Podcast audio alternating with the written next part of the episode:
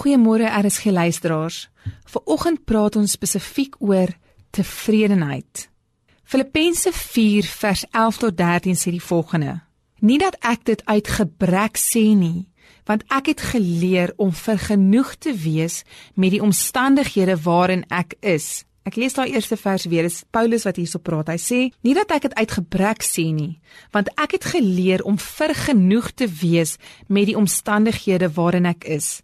Ek weet om verneder te word. Ek weet ook om in oorvloed te hê. In elke opsig en in alle dinge is ek onderrig om versadig te word sowel as om honger te ly, om oorvloed te hê sowel as om gebrek te ly. Ek is tot alles in staat deur Christus wat my krag gee. Daar's twee woorde wat ek wil omkring hier. Die eerste een is Paulus sê hy het geleer. So dis iets wat jy aanleer. Jy leer om tevrede te wees. Jy leer om vergenoeg te wees. En dan die tweede ding, die tweede woord is vergenoeg. Dat ek glo dat in Jesus Christus is daar tevredenheid en 'n vergenoegdheid wat in ons binneste kom. Ek glo ook dat ontevredenheid dat mense kry ook 'n regte ontevredenheid. Want partykeer kan 'n die regte ontevredenheid jou ook in 'n goeie rigting instuur. Byvoorbeeld ek's ontevrede oor die toestand dalk van my lewe en ek en, en dit stuur my juis om om verantwoordelikheid te vat. Ek glo ook dat dat God vir jou wil drome gee, dat God jou wil laat groei. Maar soms is daar 'n 'n onrustige soeke en 'n strewe na iets. En ek glo God gee vrede.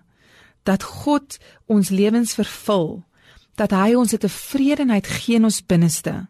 Maak nie saak wat die omstandighede sê nie. Of ek baie het of ek baie rykdom het en self of ek niks het nie, is daar tevredenheid in my binneste wat deur God gegee word. Hier is my gebed vir jou. Vader, ek wil bid vir elke luisteraar vanoggend dat soos hulle deur hulle dag gaan, soos hulle deur hulle week gaan, dat hulle 'n tevredenheid van U Heilige Gees sal beleef. Dat hulle sal weet dat U is die voorsiener U is die een wat alle dinge gee. En dat U vandag 'n tevredenheid gee, maak nie saak of dit goed gaan of sleg gaan nie, dat hulle vrede in hulle binneste sal beleef wat slegs uit U gebore is. In Jesus naam. Amen.